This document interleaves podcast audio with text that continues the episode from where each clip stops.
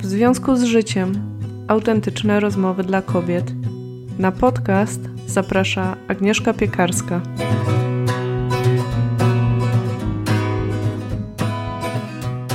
Witam Cię bardzo serdecznie w 95. odcinku podcastu. Do dzisiejszej rozmowy na temat żałoby, straty i śmierci zaprosiłam Anię Franczak. Ania jest certyfikowaną towarzyszką w żałobie. Ja poznałam ją kilka miesięcy temu poprzez internet i od razu zapisałam się na warsztaty, które prowadziła dotyczące żałoby, ponieważ jeśli słuchasz podcastu już od dłuższego czasu, to wiesz, że ja straciłam obydwoje rodziców. E, moja mama odeszła 7 lat temu i ten temat jest cały czas w jakiś sposób e, ciągle jeszcze żywy w moim życiu, choć oczywiście przechodziłam przez różne etapy. Dlatego bardzo się ucieszyłam też, że Ania zdecydowała się i przyjęła zaproszenie do dzisiejszego odcinka, ponieważ ma e, niezwykłą empatię, bardzo ciekawe spojrzenie na temat żałoby, śmierci, straty i zechciała się tym dzisiaj podzielić. Także mam nadzieję, że ta rozmowa będzie nie tylko pomocna dla osób, które rzeczywiście są w żałobie teraz, w jakiejś świeżej żałobie lub też przez żałobę przechodziły, mają do, już za sobą doświadczenie straty bliskiej osoby w swoim życiu, wiedzą z jak różną paletą emocji się to łączy, ale również e, myślę sobie, że ta rozmowa może być też ciekawa poza tymi doświadczeniami, ponieważ tak jak Ania mówi pod koniec rozmowy, Temat śmierci paradoksalnie jest niezwykle demokratyczny i uniwersalny, dotyczy nas wszystkich, a totalnie odcinamy się od edukacji i rozmów na ten temat. Także mam nadzieję, że ta dzisiejsza rozmowa podcastowa będzie takim małą cząstką, która gdzieś otworzy różne związane z żałobą i śmiercią tematy być może w Twoim życiu, może w Twojej głowie, a może zechcesz też e, później podzielić się swoimi wrażeniami. Ja bardzo Cię serdecznie zachęcam i zapraszam, jak zawsze, na Instagram. Moje konto to Agnieszka, trzy podkreśniki piekarska. Tam e, zazwyczaj staramy się zamieścić post, w którym możemy dalej dyskutować. Jeśli masz ochotę też na dołączenie do tego małego grona, w którym od czasu do czasu spotykamy się z słuchaczkami i rzeczywiście na żywo rozmawiamy na tematy, które pojawiają się w audycji, to bardzo serdecznie zachęcam Cię do zajrzenia na stronę w związku z życiem.pl łamane przez spotkania. Również w tym miejscu muszę podziękować wszystkim matronkom, czyli osobom, które zdecydowały się wesprzeć podcast finansowo. Projekt spotkań też jest połączony z tym matronatem. Tak naprawdę poprzez Patronite można wspierać podcast. Jeśli masz na to ochotę, zachęcam Cię zajrzeć na stronę w związku z życiem.pl Wszystkiego się dowiesz, jak można to zrobić. Ja także zachęcam Cię do zajrzenia na stronę odcinka w związku z życiem.pl łamane przez odcinek 95. Tam znajdziesz e, notatki, linki, również odnośniki do strony Ani i Instytutu Dobrej Śmierci, który założyła. A także możesz zostawić również komentarz. Na stronie odcinka znajdziesz też transkrypcję dzisiejszej rozmowy, także możesz wszystko przeczytać albo wrócić do różnych wątków. Za wykonanie tej transkrypcji serdecznie dziękuję Agacie Podsiadły. Witaj Aniu, bardzo się cieszę, że e, jesteś i że przyjęłaś zaproszenie do podcastu. Dziękuję bardzo za zaproszenie. Też bardzo mi miło. Ja jakiś czas temu, nie wiem, ileś miesięcy temu przeczytałam w przekroju wywiad y, z, nie powiem teraz nazwiska, ale sprawdzę to, z osobą, z mężczyzną, który stricte zajmuje się tematem śmierci. On towarzyszy ludziom przy umieraniu, w ogóle mówi o temacie śmierci. I poczułam. Steven Jenkinson. I poczułam e, coś takiego, m, mm, jakie to jest. E, nie powiem, że fascynujące, ale jakie brakujące w tej ogólnej tematyce, nazwijmy to terapeutyczno-rozwojowej, tak? Że jakby mm. ten temat, y, nie powiem, że nie istnieje, bo właśnie jesteś dowodem na to, że istnieje, czy właśnie tamten wywiad, ale jest ekstremalnie niszowy, chociaż mm. dotyczy nas wszystkich. I jakby mm. myślę, że wiele osób, które się mm, gdzieś tam na ścieżce rozwoju czy terapii znajdują, Y, mogą się tam pojawiać ze względu właśnie na kryzys związany ze śmiercią czy ze stratą y, najbliższej osoby, tak? Paradoksalnie. Tak. Więc to jest bardzo ważny kawałek całej tej e, opowieści i jakby poczułam coś takiego, jak, jak mi brakuje takiej przestrzeni osoby, kogoś dedykowanego do tego tematu, wiesz? I tak nawet mhm. chodziłam sobie z tym i myślałam, pomijając mój osobisty jakby temat, który gdzieś tam mam e, do przepracowania, tak? Czy w ogóle, e, że, że to było mi potrzebne, bo jakby z tą śmiercią się na przestrzeni całego mojego życia gdzieś stykam. Mój tata zmarł jak miałam 16 lat, moja mama zmarła um, 7 lat temu, jak miałam 30 e, lat, tak? Więc to jest też takie, mhm. nie powiem, że zwyczajne, że ludzie jakby tracą te najbliższe osoby wcześniej. I powiem Ci, chodziłam też z taką myślą, chciałabym przeprowadzić w podcaście rozmowę właśnie wokół tych tematów, ale z kim? Mm -hmm. I wtedy w którymś momencie ty się pojawiłaś na Instagramie. I e, powiem ci, nawet nie, nie wchodziłam w szczegóły, tylko poczułam w końcu. W końcu jesteś, wiesz? W końcu jesteś jak właśnie i cały czas mam ten dyskomfort takiej ekscytacji i cieszenia się, przy tym, że jednak jest to trudny temat, tak? Myślę, że to też wyjdzie. Ale y, gdybyś mogła tak opowiedzieć, dlaczego ty się właśnie tym tematem zajmujesz? Hmm. Dlaczego ja się zajmuję tematem śmierci i żałoby? Um, no powiem ci, że parę lat temu, to znaczy może tak z 7-8 lat temu ja tych tematów też bardzo unikałam w swoim życiu. W sensie byłam mhm. w takim rozpędzie związanym z pracą, z pewną wizją życia, kariery i tak dalej.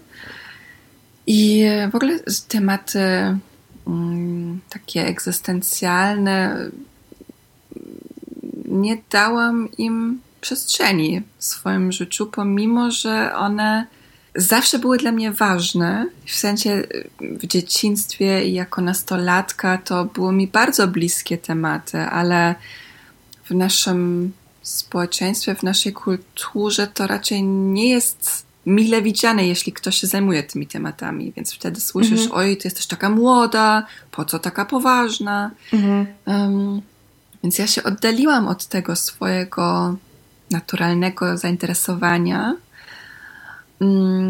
I te tematy wróciły z takim mocnym impulsem do mnie 6 lat temu, kiedy straciłam dziecko w trakcie ciąży, kiedy mhm. po prostu byłam skonfrontowana ze śmiercią nawet w swoim własnym ciele. Mhm. Z taką, takie bardzo, bardzo intensywne, ekstremalne doświadczenie. Mm, i, I to doświadczenie przewróciło moje życie do góry nogami.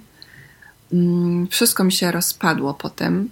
Związek, zdrowie, praca, po prostu to, to, to, to doprowadziło do takich głębokich zmian na wszystkich, we wszystkich etapach, e, obszarach życia, że byłam totalnie zaskoczona, jaki ogromny efekt i taki długofalowy efekt może mieć strata.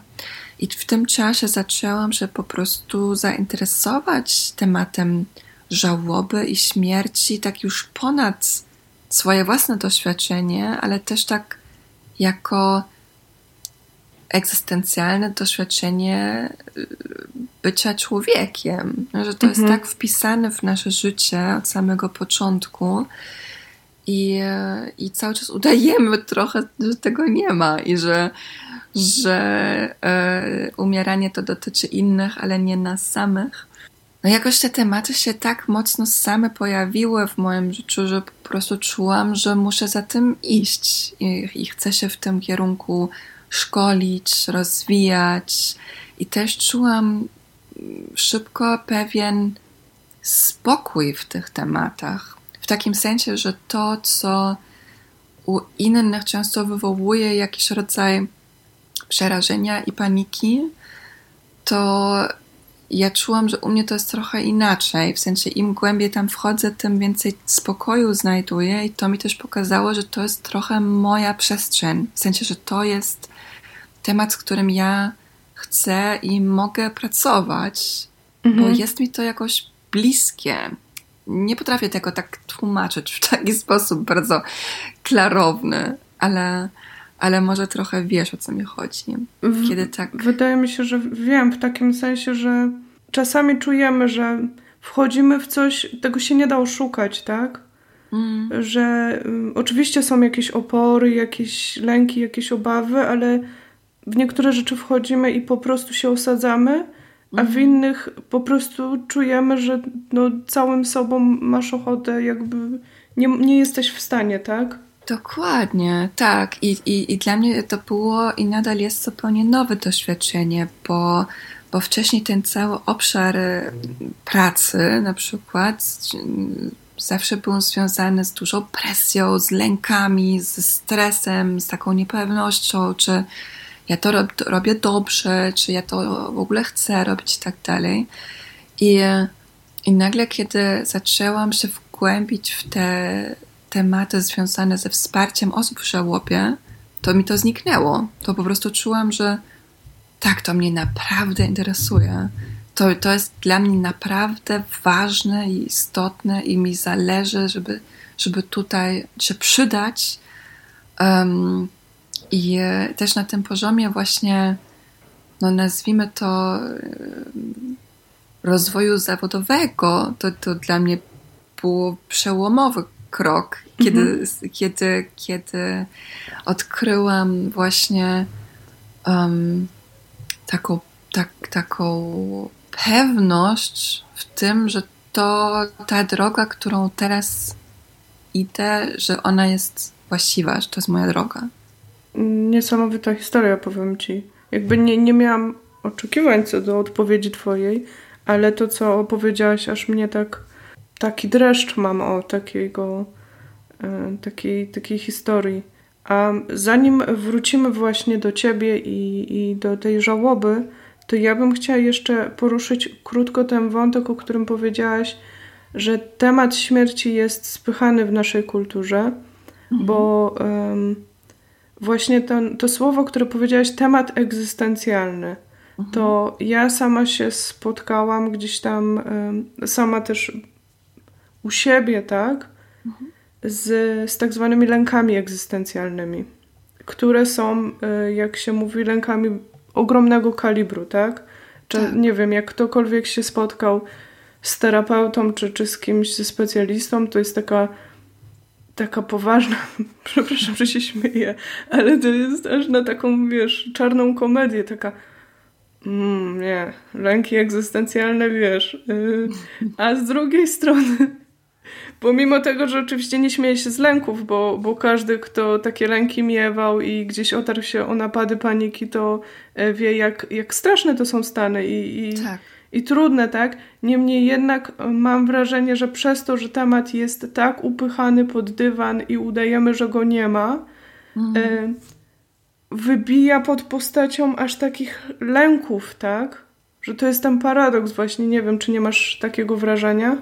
Mhm, też mam takiego wrażenia i, i um, mi się też wydaje, że ta, ta próba unikania tematu ma dokładnie odwrotny efekt niż ten, który może chcemy osiągnąć przez unikanie. Nie? Że chcemy się chronić, chcemy um, właśnie nie patrzeć na to, co może wywołać lęk i ból, ale, ale dokładnie przez to niepatrzenie nasz lęk rośnie, bo wszystko, co jest ukryte, wszystko, co jest niewidziane, nieznane, to ma po prostu największy potencjał, żeby nas um, pchać w takie, takie stany e, przerażenia i lęku.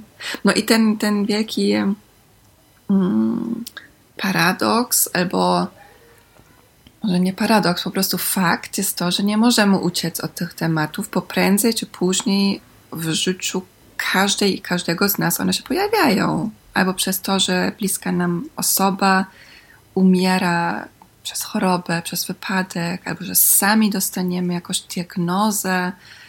W pewnym momencie to jest mhm. nie do uniknięcia, tak. że, że w pewnym momencie te, ten, ten temat śmierci po prostu puka do drzwi i, i wchodzi do naszego życia.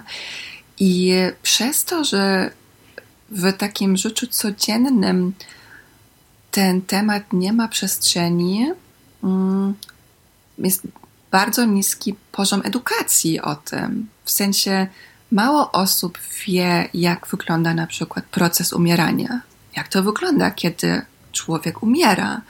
Mało mhm. osób wie o tym, jak się zmienia ciało zmarłego albo zmarłej osoby po śmierci i, i, i co trzeba zrobić wtedy, jak wyglądają wszystkie te procedury związane z um, pogrzebem. I kiedy nagle się znajdujemy w takiej sytuacji, że musimy się skonfrontować i zadbać o wszystkie te sprawy, na przykład organizacji pogrzebu, no to jesteśmy w, w, takim stanie bardzo silnych emocji, w którym trudno nam myśleć spokojnie i klarownie, i w którym trudno nam podjąć decyzji dobrych, więc ja się tak zastanawiam, czy nie byłoby lepiej traktować te tematy jako coś, co jest, o czym warto porozmawiać po prostu w ramach edukacji, żeby, żeby mieć dostęp do informacji, do wiedzy, żebyśmy, kiedy ten temat się pojawia, kiedy stracimy kogoś, żebyśmy byli trochę bardziej przygotowani i żebyśmy wtedy nie byli właśnie w takim stanie kompletnej bezradności. Widzisz, ja akurat się wychowywałam y, paradoksalnie, nawet wczoraj rozmawiałam z moją siostrą i mówiłam, że będę z tobą rozmawiać i ona, tak, my mamy dość czarny humor w domu i w ogóle mieliśmy, ale ona mówi, patrz, to jak ludzie y, tak się interesują i znają na weselach, to my się znamy na pogrzebach. I coś w tym jest, bo rzeczywiście, jakby wiesz, moja mama też była pielęgniarką, ona nie powiem, że lubiła, ale miała tę zdolność y, towarzyszenia, bo bardzo jakby lubiła opiekować się starszymi osobami, też bywała przy śmierciach, tak, mm. tak pielęgnacyjnie, ale mm, potem też y, zajmowała się jakby pielęgnacją osoby już y, po śmierci, tak, właśnie, więc jakby te tematy u nas w domu gdzieś były, no nie, mm. jakby ja miałam świadomość, że ktoś musi zmarłe ciało potem umyć, zawsze ubrać, może i umalować i tak dalej, więc ta część, y, ta część gdzieś tam się pojawiała. Też zawsze rozmawialiśmy, nie wiem, czy ktoś chce być skremowany, czy nie chce. Takie, widzisz, y, rzeczy, które, mm, które są de facto takimi decyzjami, to co mówisz, e, a jakby totalnie odsuwamy.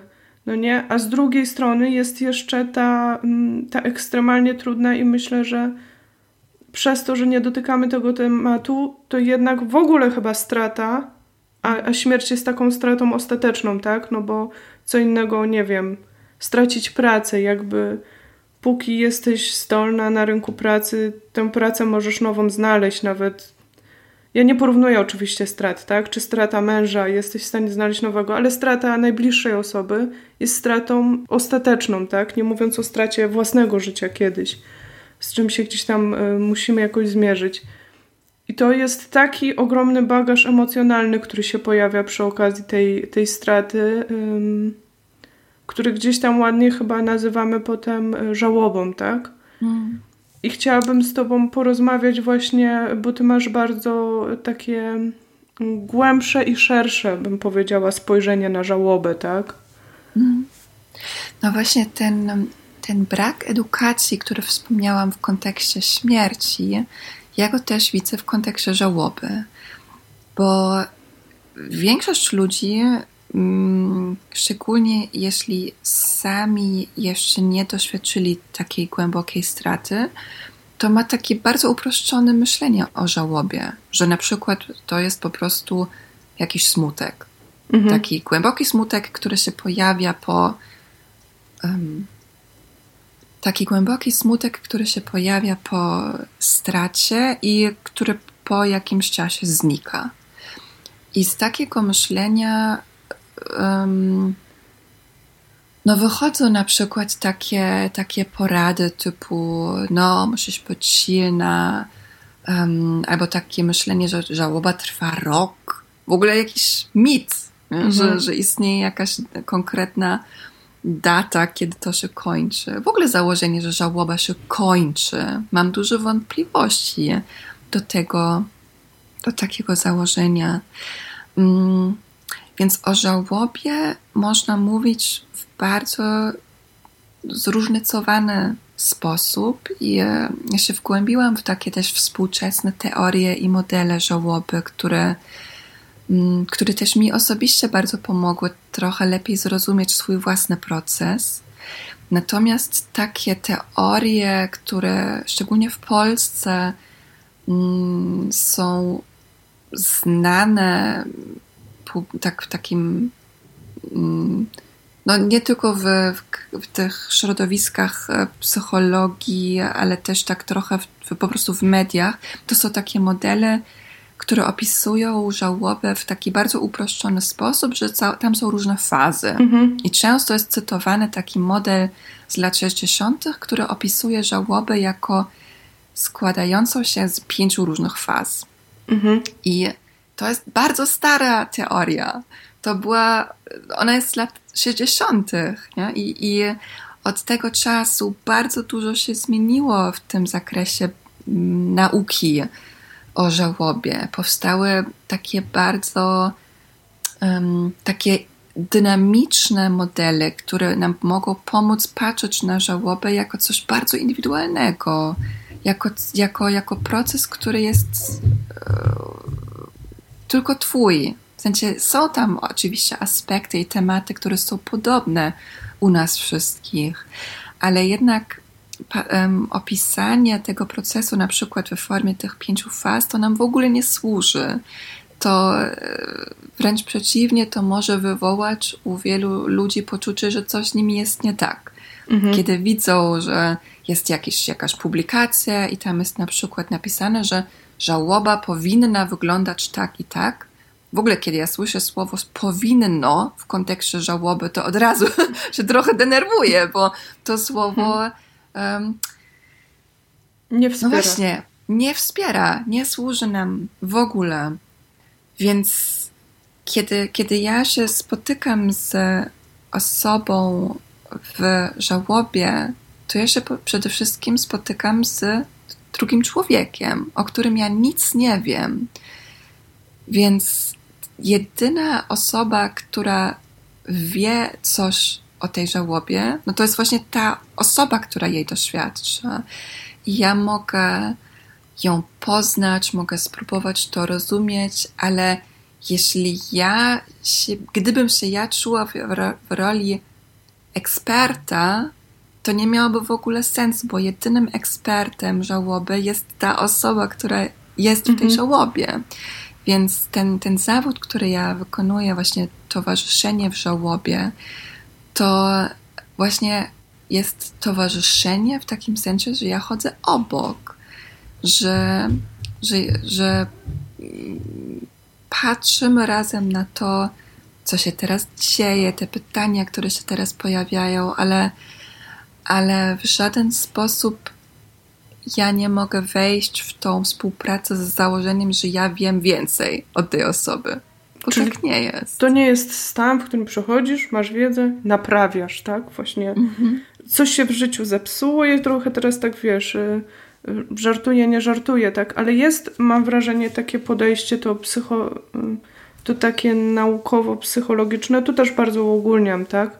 Z którym się spotykamy, że to jest jakiś taki stan do naprawienia. No jeszcze to się ocierało ten smutek, to też mówi, jakby zaraz zgłębimy ten temat, że wcale te mhm. emocje to nie, że żałoba równa się smutek, tak?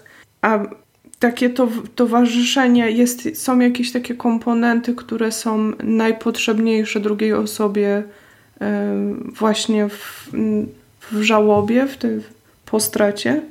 Mm.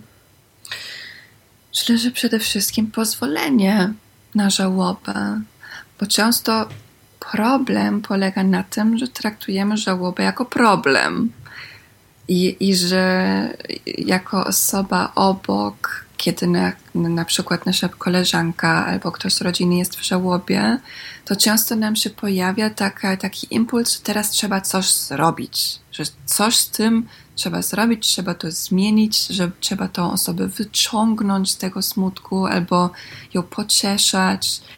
I, no i oczywiście za tym stoi taka dobra intencja, że chcemy, żeby tym ludziom, których, które kochamy, żeby im było dobrze. Ale ten efekt, kiedy spróbujemy kogoś pocieszać albo zmienić, um, trzeba sobie zdać sprawę z tego, że w takim podejściu ukryta jest krytyka. Właśnie kiedy spróbujemy kogoś ucieszyć, to w pewnym sensie mówimy, że ten stan, w którym w tej chwili jesteś, on nie jest ok. Mhm. Bądź inny, bądź mhm. inna. Um, powinnaś być w lepszym humorze, albo nie powinnaś być taka smutna. I to jest taki.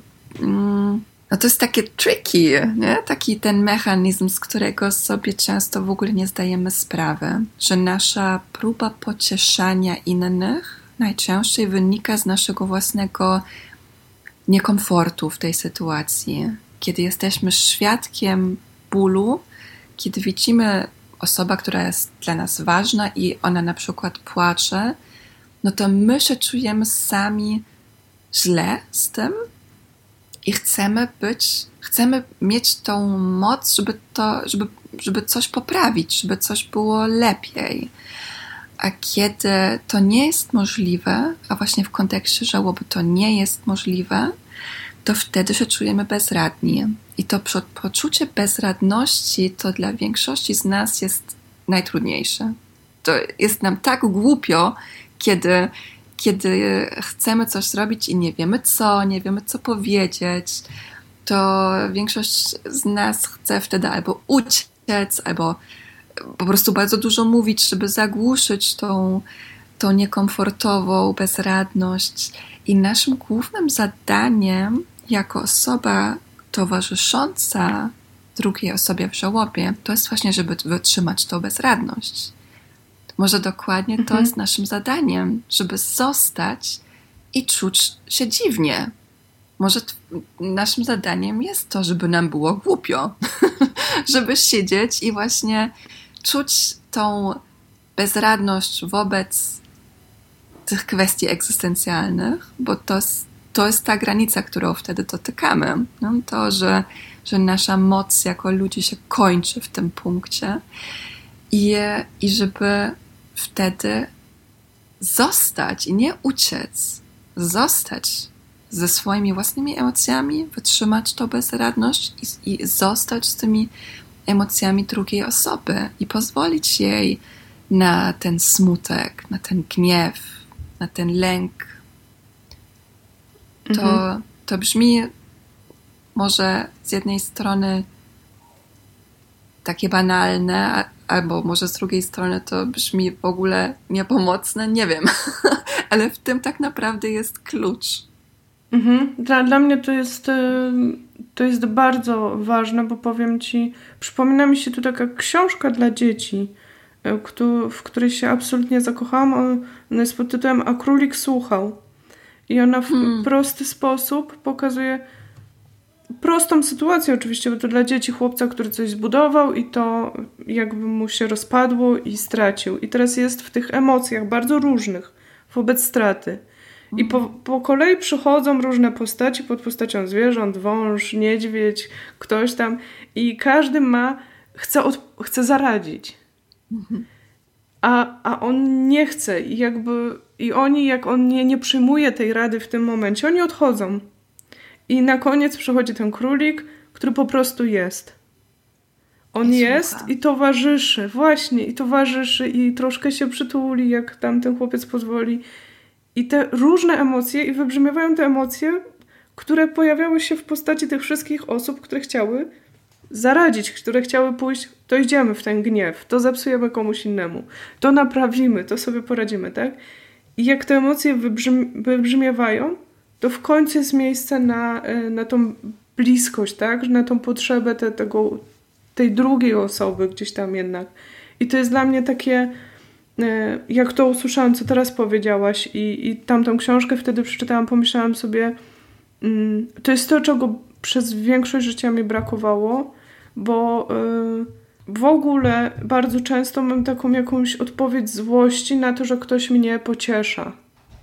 Mm. I jeszcze się czuję winna wobec tego, nie? No bo przecież chcą dobrze, przecież się troszczą. Ja wiem, że nie ma mm. ludzi idealnych, tak? Więc też to, co mówisz, nie ma takiej edukacji jakby e, wobec tego. A z drugiej strony to, to co powiedziałaś, w takim pocieszeniu jest jednak zaszyta krytyka, czy tego chcemy, czy nie.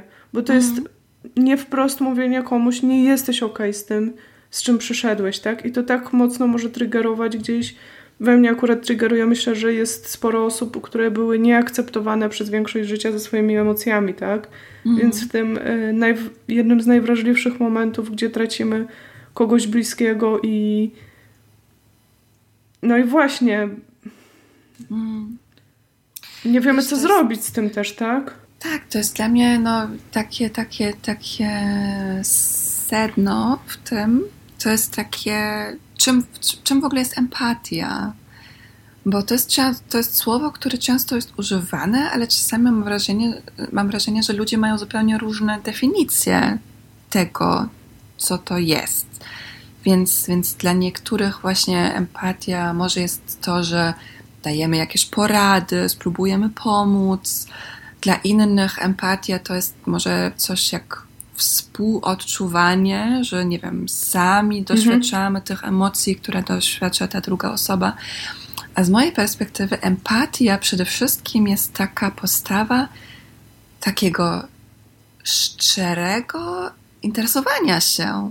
W sensie to, że naprawdę chcę wiedzieć, jak się masz. W sensie takie naprawdę chciałabym rozumieć, co się dzieje, usłyszeć, um, taka, taka chęć zobaczenia drugiego człowieka. To jest dla mhm. mnie taka podstawowa definicja empatii. I w tym jeszcze w ogóle nie ma tego poziomu, co teraz zrobić w tej trudnej sytuacji. To jest kolejny krok, mhm. bo wszystko, o czym mówiliśmy wcześniej, właśnie porady, pocieszenie, to wszystko też jest ważne na, w pewnym momencie to może być dokładnie to, co jest potrzebne, ale nie jako pierwsze. Ja myślę, że pie, co, to, co podstawowo jako pierwsza reakcja jest potrzebna, to jest właśnie ta empatia w sensie, że chcę zobaczyć, chcę usłyszeć, chcę zrozumieć. Po prostu takie, chcę naprawdę być z tobą i Oczywiście nigdy do końca nie możemy zrozumieć drugiego człowieka. Mhm. Nie? To w pewnym sensie zawsze jest taka podstaw, taka głęboka samotność też u, u każdego. Nie? Ale taka empatia dla mnie jest taką próbą, żeby zrozumieć się tyle, ile jest możliwe, żeby się zbliżyć tyle, ile jest możliwe. I kolejny krok może być to pytanie, no dobra, to co teraz robimy? Mhm. Czy jest coś w ogóle, co możemy zrobić? I, I mam wrażenie, że czasami po prostu przeskakujemy ten pierwszy krok i od razu myślimy i wchodzimy w ten tryb działania, w ten tryb rozwiązania problemów. Mhm. Opowiedz mi, um, czy jest możliwe, że my sami jako osoby w żałobie właśnie jesteśmy w stanie, czy mamy takie mechanizmy, czy wybór świadomy, nieświadomy, w którym odrzucamy tę żałobę i właśnie przechodzimy w ten tryb działania i takich szukamy rozpraszaczy, bo czy, czy jakby paradoksalnie żałoby można nie przeżyć i trwać w niej przez całe życie, nie mając świadomości, że to to ciągle? Hmm. Myślę, że i jedno, i drugie jest ważne. W sensie, że to, żeby, że po, w ogóle potrafimy wypierać coś i to, mhm. że potrafimy wyjść przynajmniej przez y, jakiś czas z bólu, to jest w ogóle niesamowita umiejętność, że w ogóle, że w ogóle jesteśmy w stanie to zrobić, żeby zrobić sobie przerwę od bólu. I no, każdy z nas ma różne sposoby na to. Dla jednych to jest oglądanie 8 godzin serialu na, na, na Netflixie, dla innych to jest praca, praca, praca, praca. Y, dla innych to jest alkohol albo leki. No, każdy z nas ma różne sposoby właśnie, żeby po prostu przetrwać. I um, oczywiście te, te sposoby różne mają różne konsekwencje. No, jeśli, jeśli jedynym naszym sposobem przetrwania to jest e, czerwone wino, to długofalowo to będzie miał efekt na nasze zdrowie mhm. i chyba na nasze relacje i tak dalej.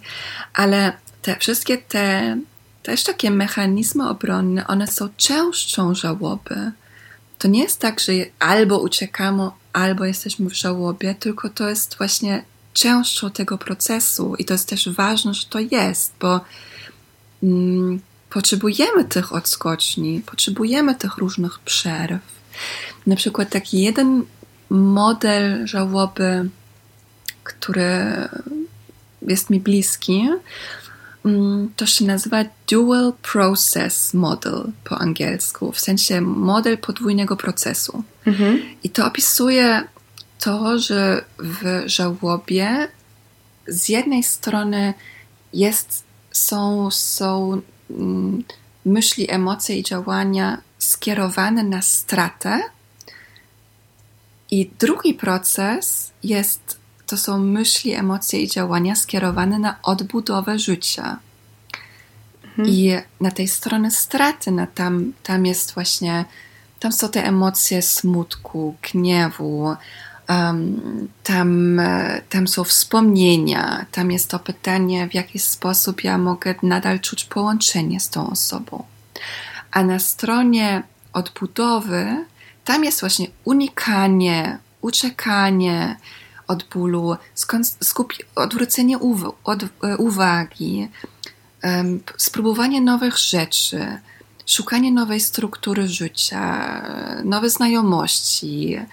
Um, wszystko, co jest właśnie skierowane na, na przyszłość. I to są dwa procesy, które się dzieją równolegle. I żałoba polega na tym, że nasza uwaga się zmienia od jednej strony do drugiej.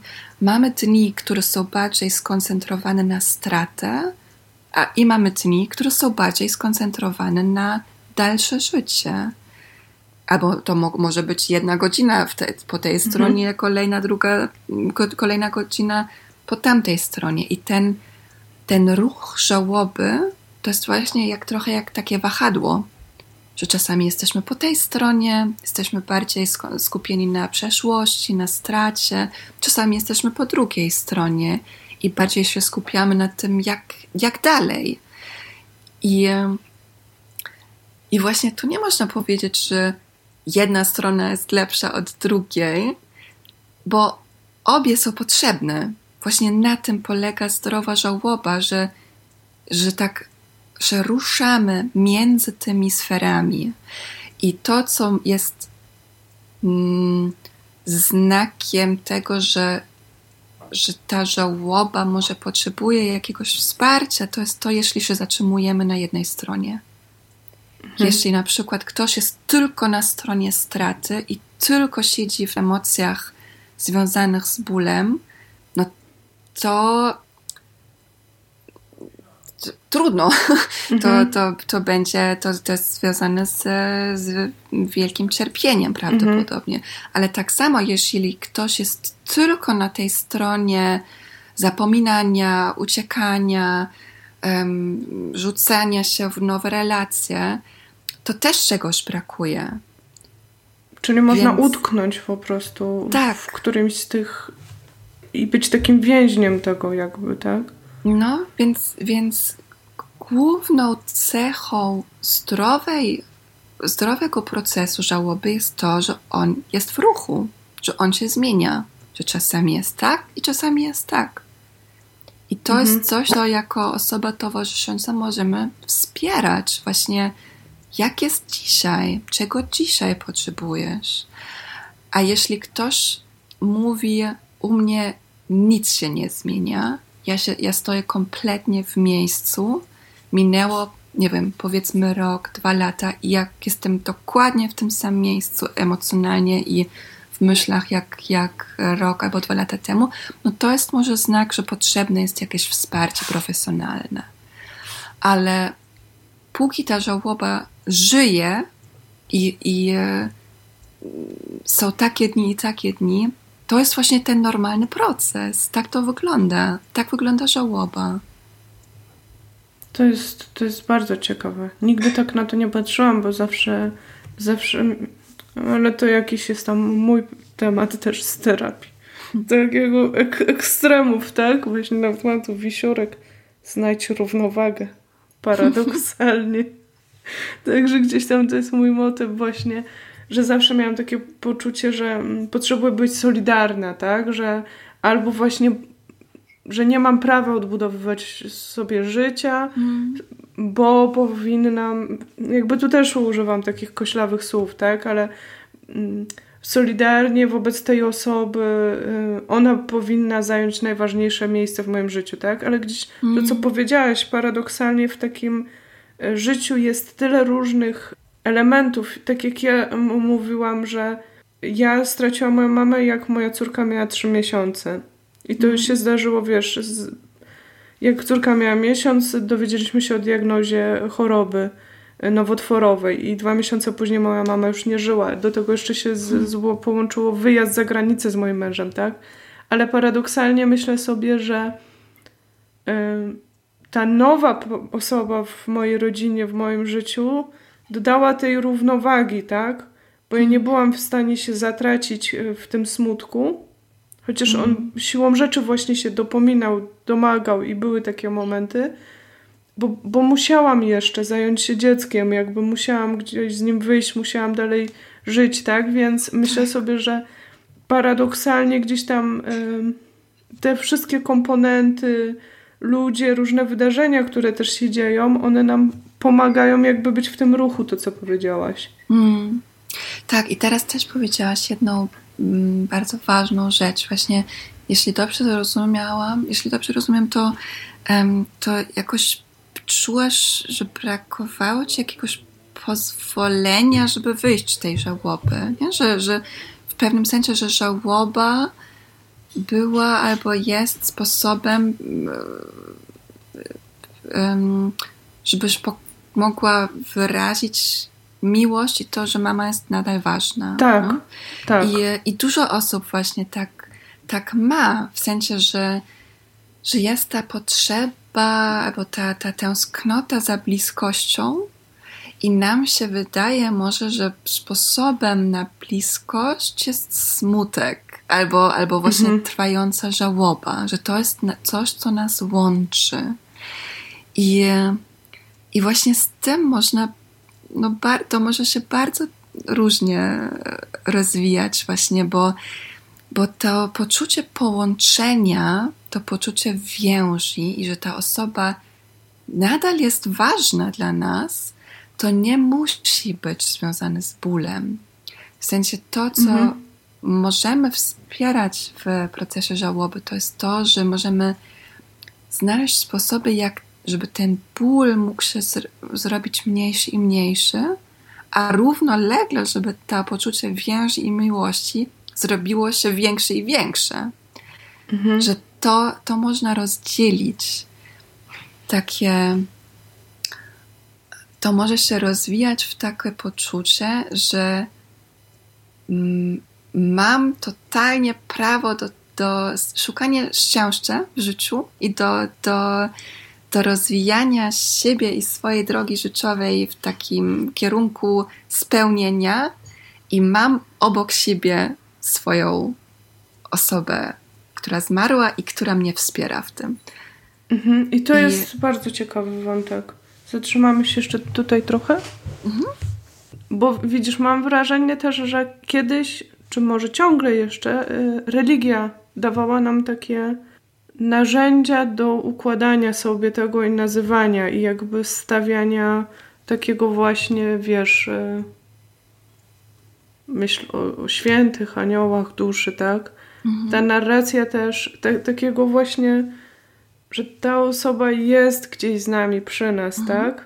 I ta narracja była też bardzo pomocna, tak? I jest nadal. Ja tutaj, wiesz, w ogóle nie, nie wchodzę. Myślę, że każdy z nas jest na, może być na bardzo różnym etapie tutaj mhm. bycia z religią, czy, czy nawet w ogóle te mechanizmy pogrzebu, te takie rytuały, które były w tradycji opłakiwania zmarłego, bycia razem przy grobie na przykład. To też się trochę zaciera, zatraca, jakby mam wrażenie, takie.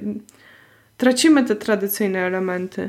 A z drugiej strony to takie poczucie braku najbliższej osoby właśnie i, i braku tej więzi mm, jest tak dojmujące, że dla mnie to było przełomowe y, tak jak też na tych warsztatach y, pokazywałaś nam i tak jak tutaj teraz powiedziałaś, że ta osoba może z nami być po prostu.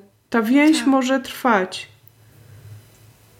Tak, i teraz jest pytanie, co to znaczy więź, nie? Bo dla, dla mhm. niektórych ten sposób, jak ta osoba jest z nami, no dla niektórych to jest takie dosłowne, że, że w myśleniu o na przykład o duchu tej osoby, mhm. która jest z nami.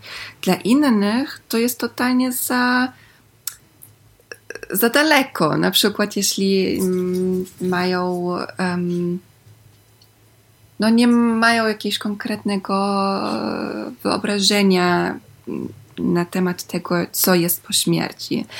Ale nawet o to nie, nie za, no, też chodzi o to, ale nie tylko, bo ta obecność zmarłych w naszym życiu, ona istnieje w wiele różne sposoby. Nie? Z jednej strony sam fakt, że o nich myślimy, to, że mhm. oni zniknęli tak fizycznie z naszego świata, to nie znaczy, że oni zniknęli z naszych myśli, z naszych uczuć.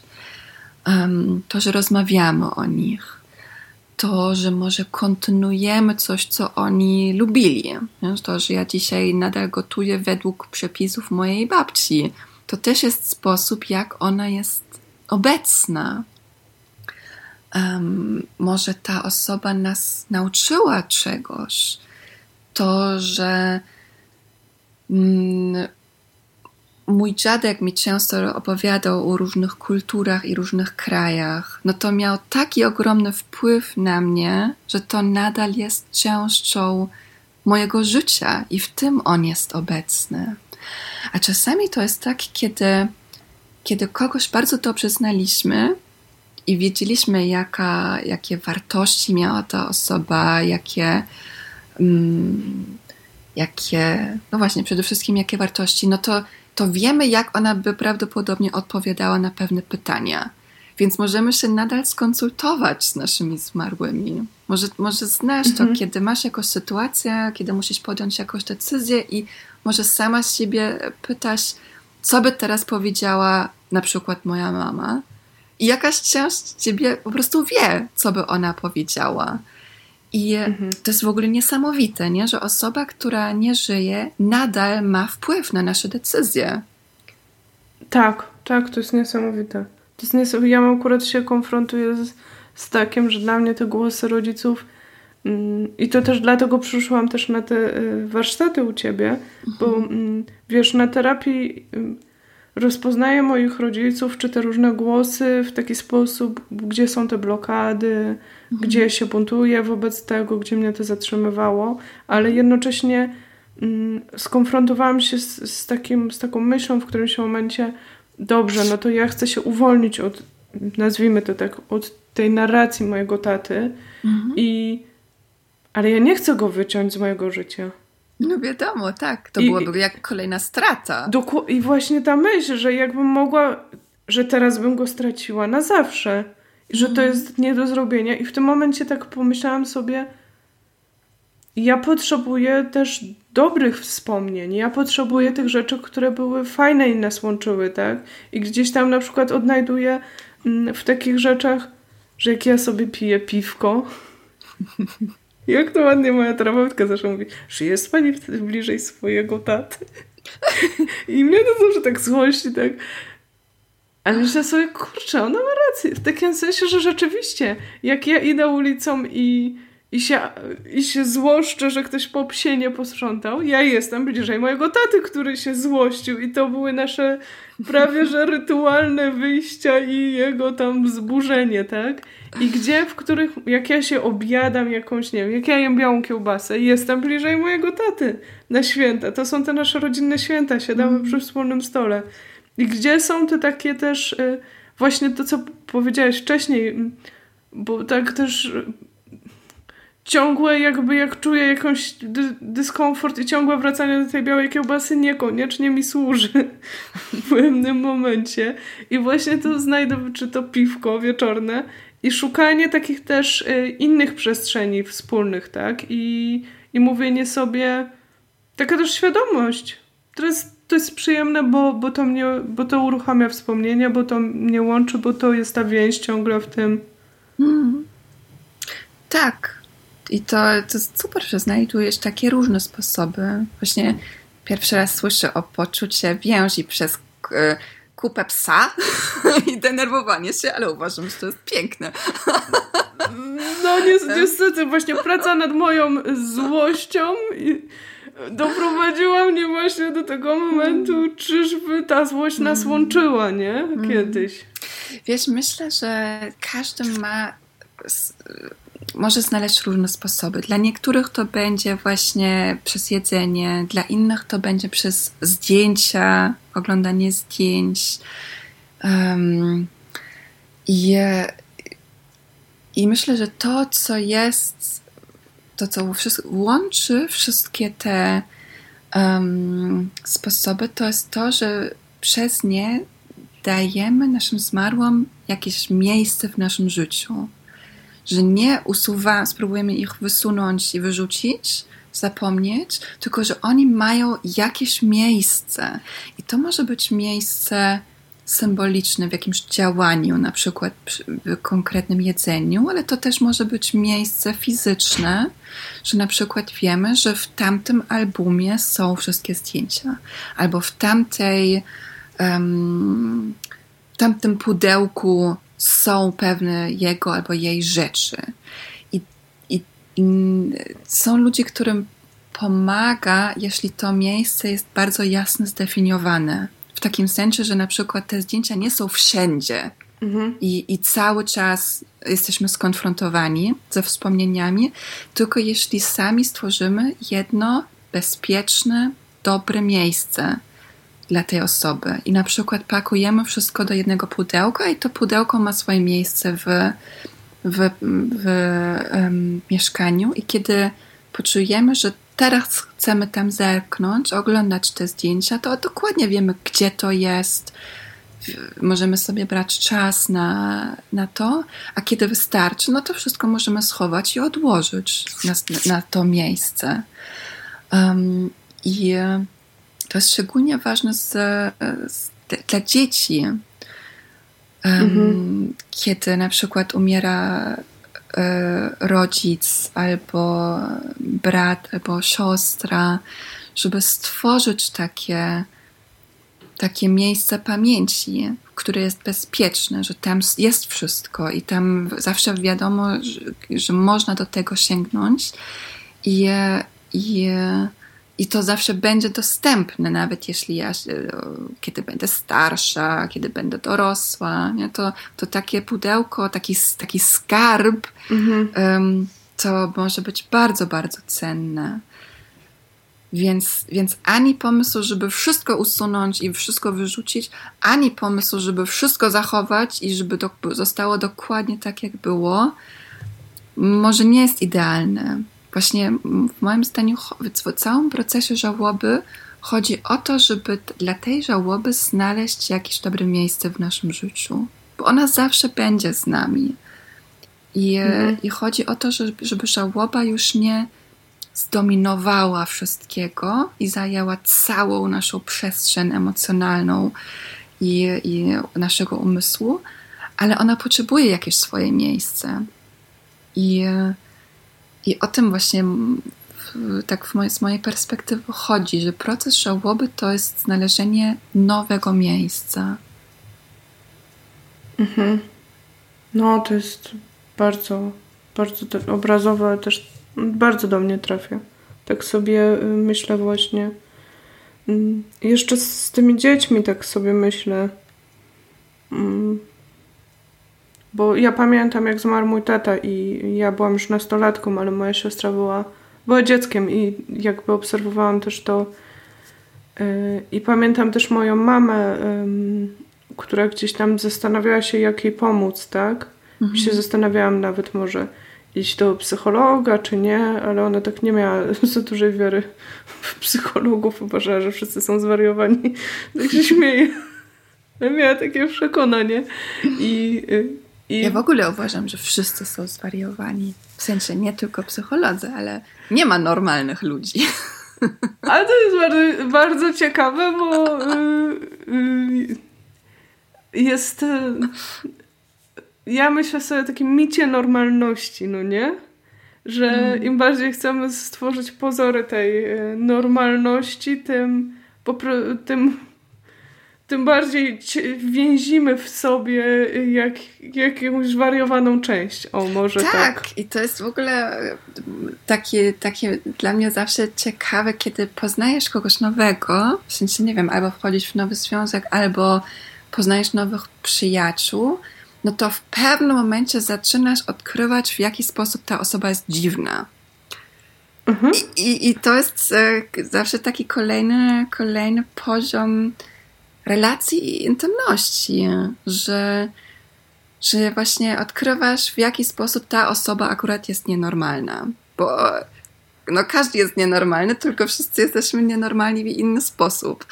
I właśnie poznawania tego u drugiej osoby, to um, no, dla mnie to jest, to jest e, związane z, ze zaufaniem, z bliskością, z miłością. Ale to piękne, mm. bo widzisz, ja akurat mam jakąś taką wewnętrzną przymus takiego ekshibicjonizmu tej swojej nienormalnej części, Aha. że tak zazwyczaj na pierwszym spotkaniu, wiesz. No takie... super. Kupujesz czy nie, bo jak nie rezonuje, to nie mam czasu. Idę szukać po prostu. Jest, jest mm. takie ładne powiedzenie po angielsku. Mm to zapomniałam, ale znajdź swój typ właśnie yy, yy, sw przyjaciół ze swoim typem nienormalności takiej. Ha, okej. Okay. Ciekawe, to kiedy znajdziesz ten cytat, to. Tak, tak, jak go, go odszukam, y, to, to na pewno wyślę. Mhm. No, to jest, to jest, to jest bardzo, bardzo mi to teraz tak pokazałaś, tak ukoiło mnie to właśnie. e, ale jeszcze wiesz co, tak, tak się zastanawiam jeszcze, bo cudownie się z tobą rozmawia, więc y, mogłabym tak y, całymi y, godzinami. Cały czas ciągle jednak we mnie siedzi ta twoja osobista historia. Mhm. Mm. I pomimo wszystko, jak, jak takie coś zadziało się w twoim życiu, to teraz jak o tym opowiadasz, że to się tak poukładało, tak? Mhm ale w tamtym momencie mia miałaś, miałaś coś takiego, że, że chciałaś to odrzucić? No spróbowałam. Wiesz, kiedy um, tuż po stracie dziecka, no ja dostałam na przykład dużo takich porad od y, ludzi, którzy mi mówili, że trzeba to traktować racjonalnie, spróbowali mnie utrzeszyć, więc wszystko to, o czym rozmawiałyśmy mhm. przed chwilą, um, ja, to, ja to wszystko doświadczyłam i w ogóle też mi brakowało takiej osoby, która po prostu by mnie wysłuchała bez, mhm. bez intencji, bez...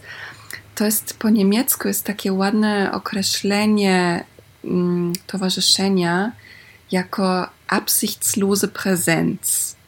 Mhm. Um, I no, Präsenz to jest mhm. obecność mhm. i absichtslos to znaczy, be, no Absicht to jest intencja, albo że masz jakiś cel. Mhm. W sensie to jest obecność bez konkretnej intencji, albo bez konkretnego celu, że um, dla bycia, takie towarzyszenie właśnie. Tak, tak. No właśnie, ale to, co chciałam powiedzieć w, w kontekście mojej straty, um, wiesz, no ja też wtedy byłam jeszcze trochę innym człowiekiem, w takim sensie, że ja byłam bardzo, bardzo niepewna siebie. Ja słuchałam dużo więcej innych ludzi niż swojego własnego wewnętrznego głosu. Więc kiedy, gdybym e, po prostu weszła w, w, w, ten proces naturalny żałoby, no to pewnie bym została w domu, płakała i tak dalej, ale ja się zmuszałam po prostu, żeby wyjść od razu następnego dnia do pracy. E, po prostu zmuszałam się do, do bycia silne, silną. właśnie słuchałam to, że trzeba wziąć się w garść, wszystko spróbowałam, no i kilka miesięcy później miałam totalny kolaps. Kompletnie się za, załamałam, bardzo się rozchorowałam, miałam mnóstwo takich objawów psychosomatycznych, więc moje ciało też totalnie protestowało. I, um,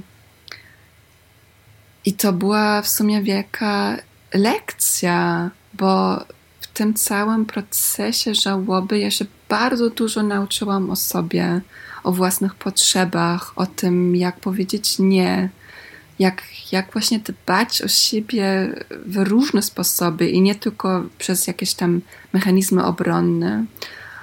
Um, I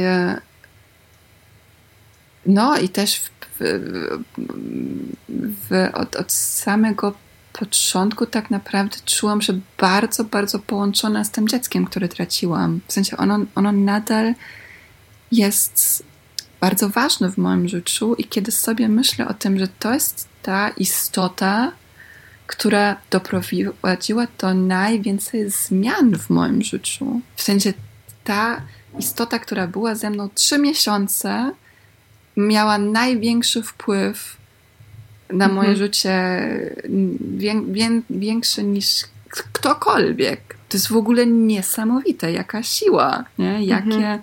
Jakie znaczenie. Um, I pomimo, no, z jednej strony to było najtrudniejsze, um, jedno z najtrudniejszych doświadczeń w moim życiu, z drugiej strony, z dzisiejszej perspektywy, mogę powiedzieć, że to było dla mnie bardzo ważne. I nawet gdybym mogła usunąć tego doświadczenia ze swojego życia, to bym tego nie zrobiła, bo to było ważne. Mhm. A powiedz mi jeszcze, bo mam wrażenie, że temat w ogóle straty nienarodzonego dziecka jest totalnie nie istnieje w przestrzeni.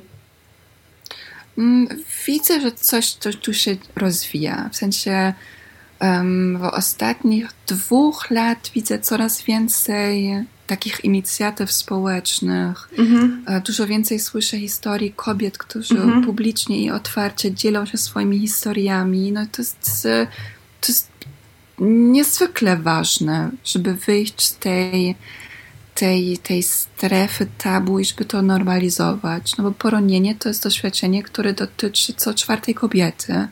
I prawie nikt o tym nie wie, póki, póki nie doświadcza tego. W sensie, że ja nie wiedziałam, że, no, że co czwarta ciąża kończy się poronieniem.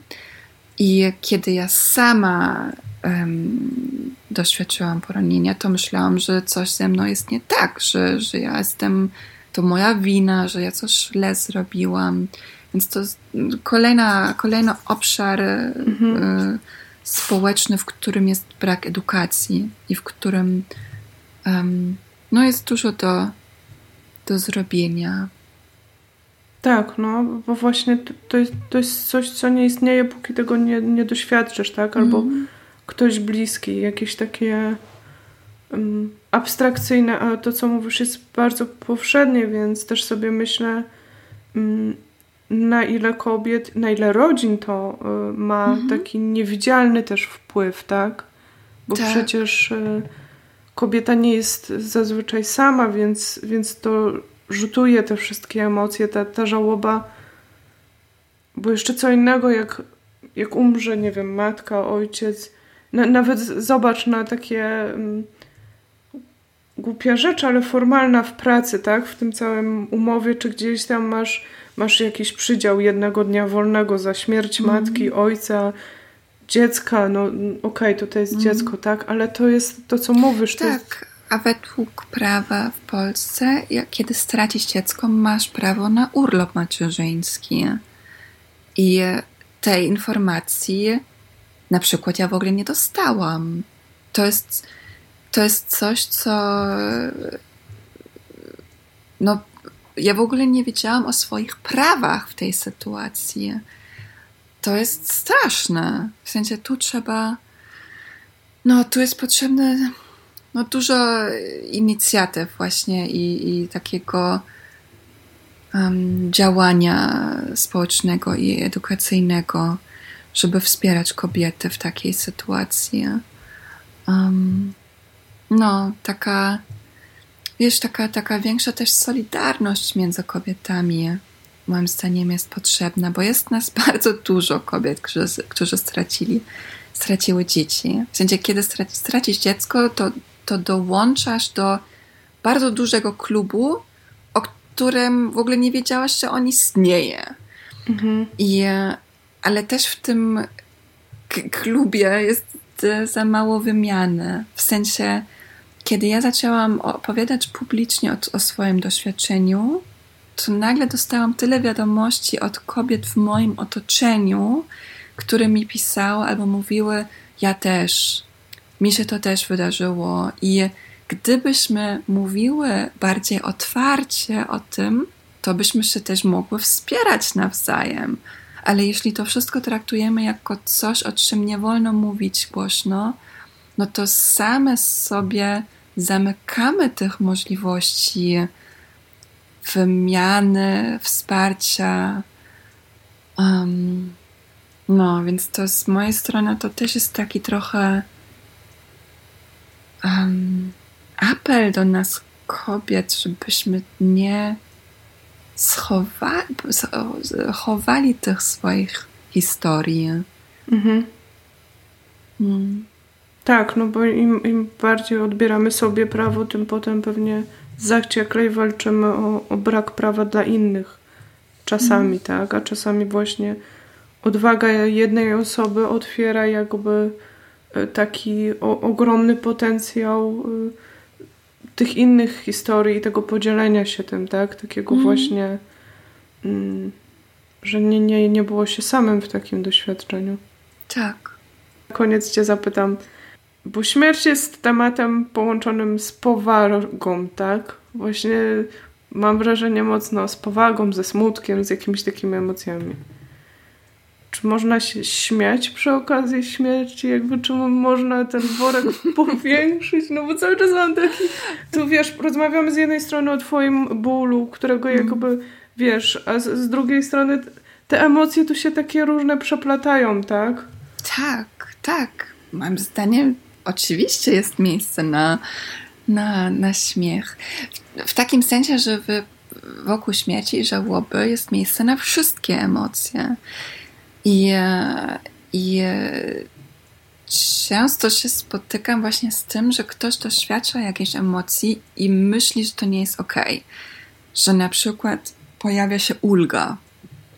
Mhm. Ulga może być z różnych powodów, albo na przykład, że ta osoba, która zmarła wcześniej długo chorowała i teraz czujemy ulgi, że ona już nie musi cierpieć, albo może być też tak, że ta osoba, która zmarła, nam zrobiła krzywdę w różne sposoby, że relacja z nią była bardzo trudna i że czujemy ulgę, że już nie ma tych kłopotów teraz w naszym życiu. No i może wtedy od razu nam się włącza ten wewnętrzny krytyk i mówi, jak możesz czuć tej ulgi, jesteś złym człowiekiem. No i wtedy sami zaczynamy siebie krytykować i karać za nasze uczucia, ale te wszystkie uczucia, one są ok, one są normalne i one mogą mieć miejsce i mogą istnieć równolegle.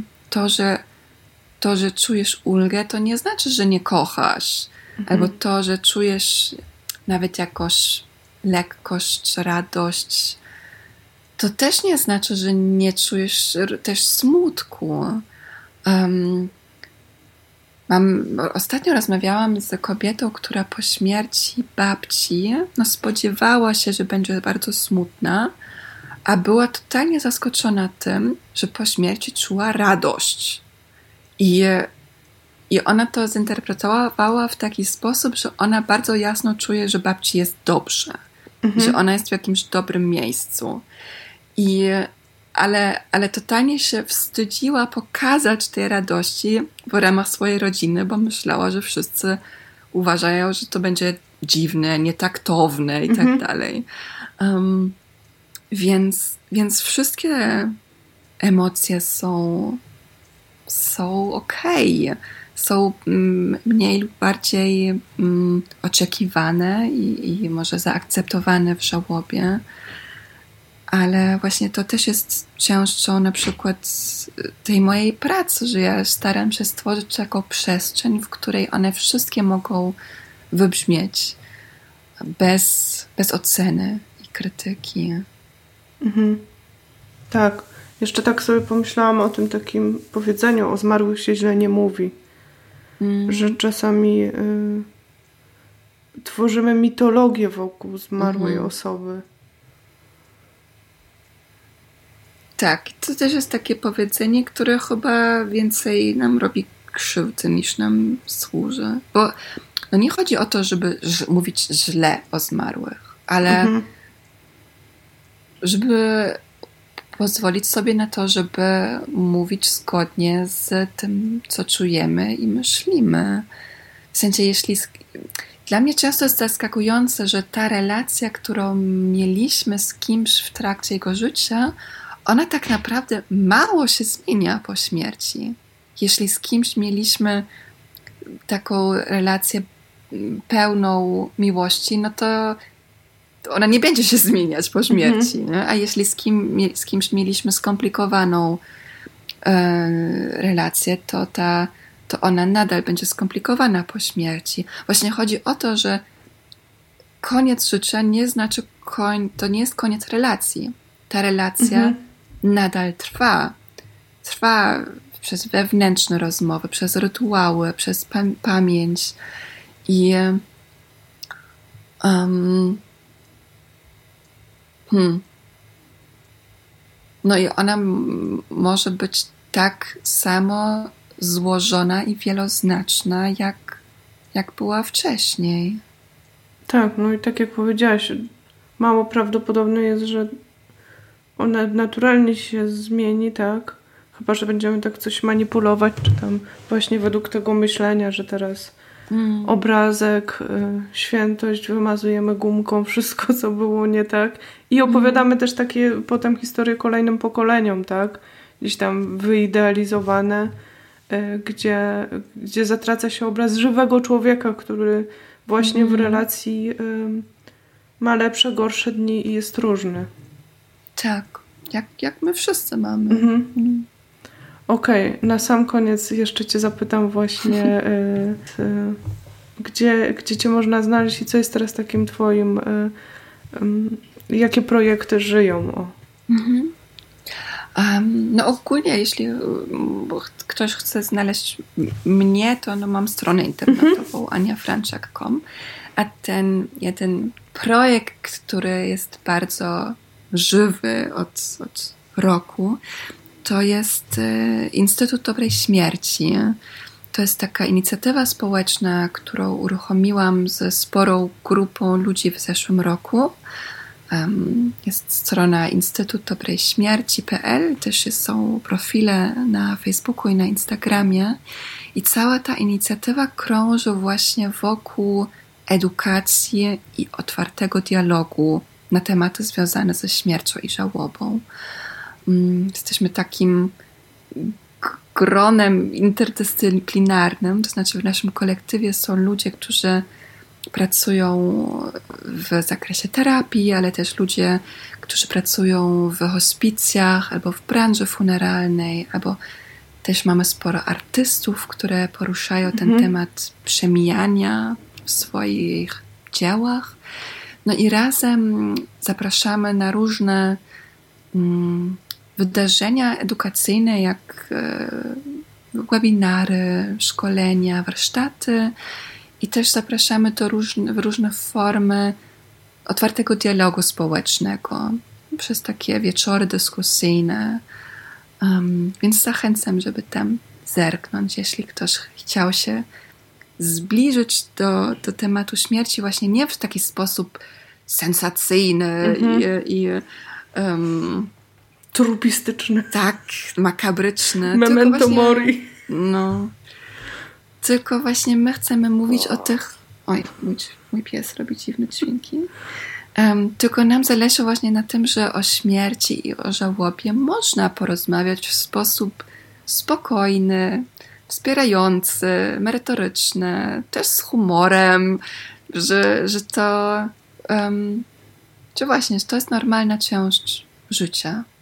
Tak, powiem ci, jakiś czas temu moja córka o, ogląda Smurfy, które też mnie zbliżają, wiesz, do domu rodzinnego, bo to jest stare Smurfy. I tam nagle wyłapałam, wyłapałam zdanie papy Smurfa. Śmierć jest częścią życia. I nawet sobie zapisałam, bo pomyślałam, jakie mądre. Właśnie, jakie prawdziwe, no. Bardzo mądry. Smurf. Także, no papa Smurf wiedział wszystko, wiesz. E, jeśli chodzi o, o linki do, e, do Twojej strony i, i do tego instytutu, też będzie na stronie wszystko, także jak ktoś ma ochotę e, wejść, zajrzeć. Fajnie, cieszę się bardzo, że, że też taka inicjatywa, bo myślę, że taka przestrzeń właśnie dotknięcia tej śmierci z różnych stron, ale w takiej bezpiecznej przestrzeni mm. i nie bardzo samotnej jest, jest bardzo potrzebna, także sama się jeszcze tam gdzieś zagłębię pewnie niebawem. No tak, bo to jest w tym dla mnie jest największy absurd, nie? że to jest temat, który nas łączy wszystkich. To jest najbardziej demokratyczny temat na świecie, a jednak większość z nas w tych tematach śmierci i żałoby odczuwa ogromnej samotności. I mhm.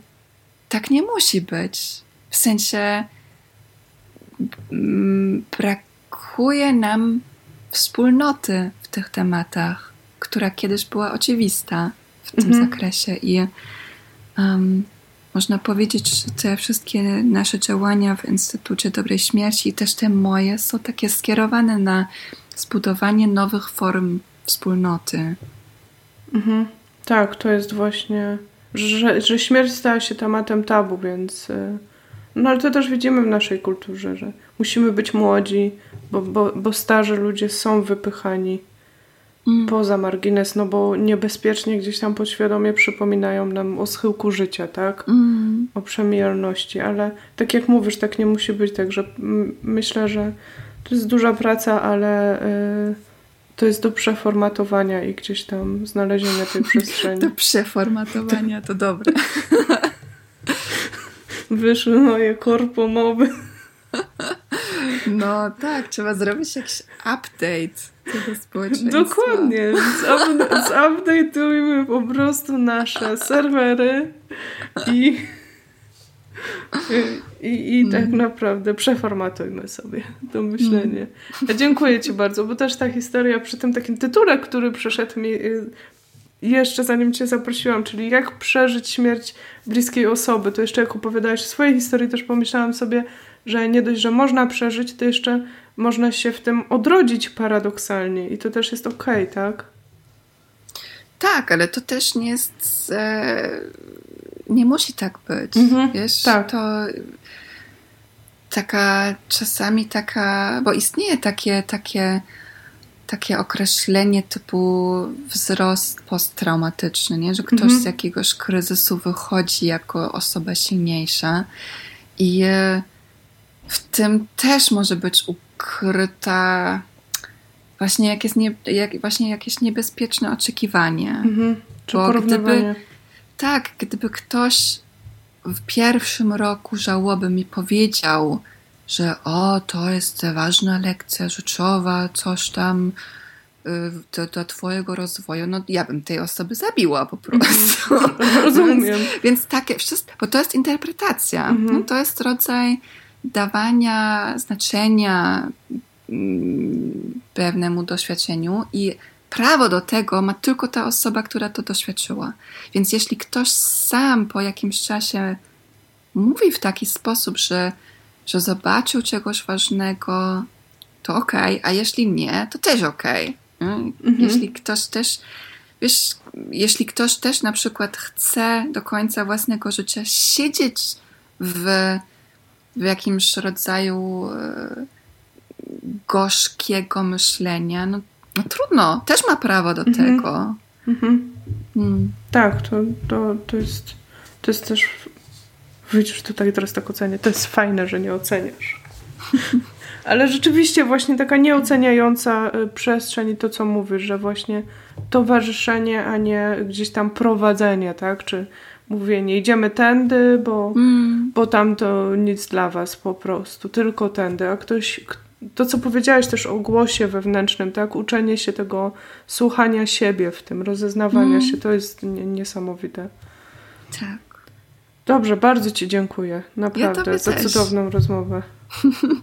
Było mi bardzo miło. Dziękuję także Tobie za to, że byłaś z nami do końca dzisiejszego odcinka. Jestem bardzo ciekawa, które wątki najmocniej w Tobie zagrały, czy coś Cię poruszyło. Jeśli masz ochotę się tym podzielić, to ja kieruję Ciebie na Instagram. Moje konto to Agnieszka, trzy podkreślniki piekarska. Tam znajdziesz e, wpis dotyczący dzisiejszej rozmowy i tam zachęcam do rozmowy.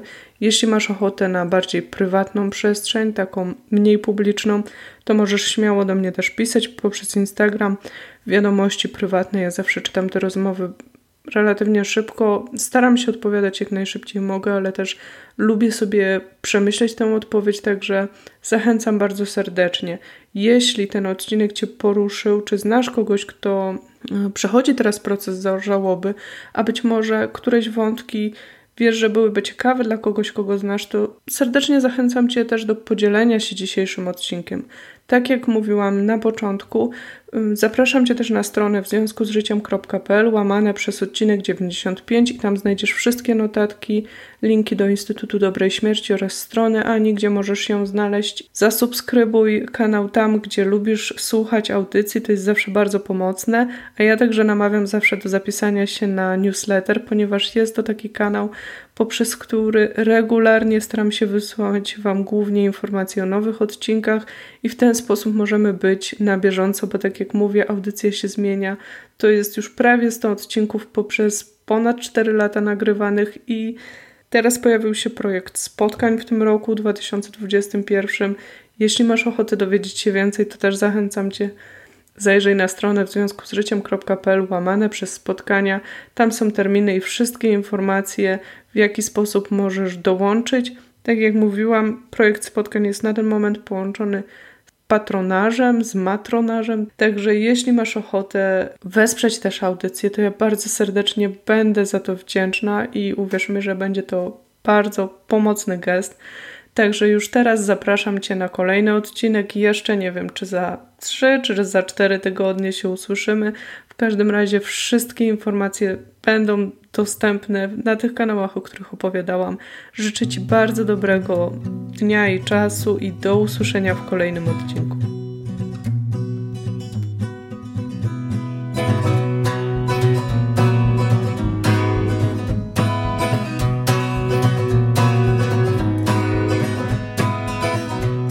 And rocks they bind me to the soil. And step by step I make my way from Chicago. Storm clouds and flies drift to touch my skin. And all the while my heart is touched by a piece of twine. It's not entangled for mine. Be the ground beneath my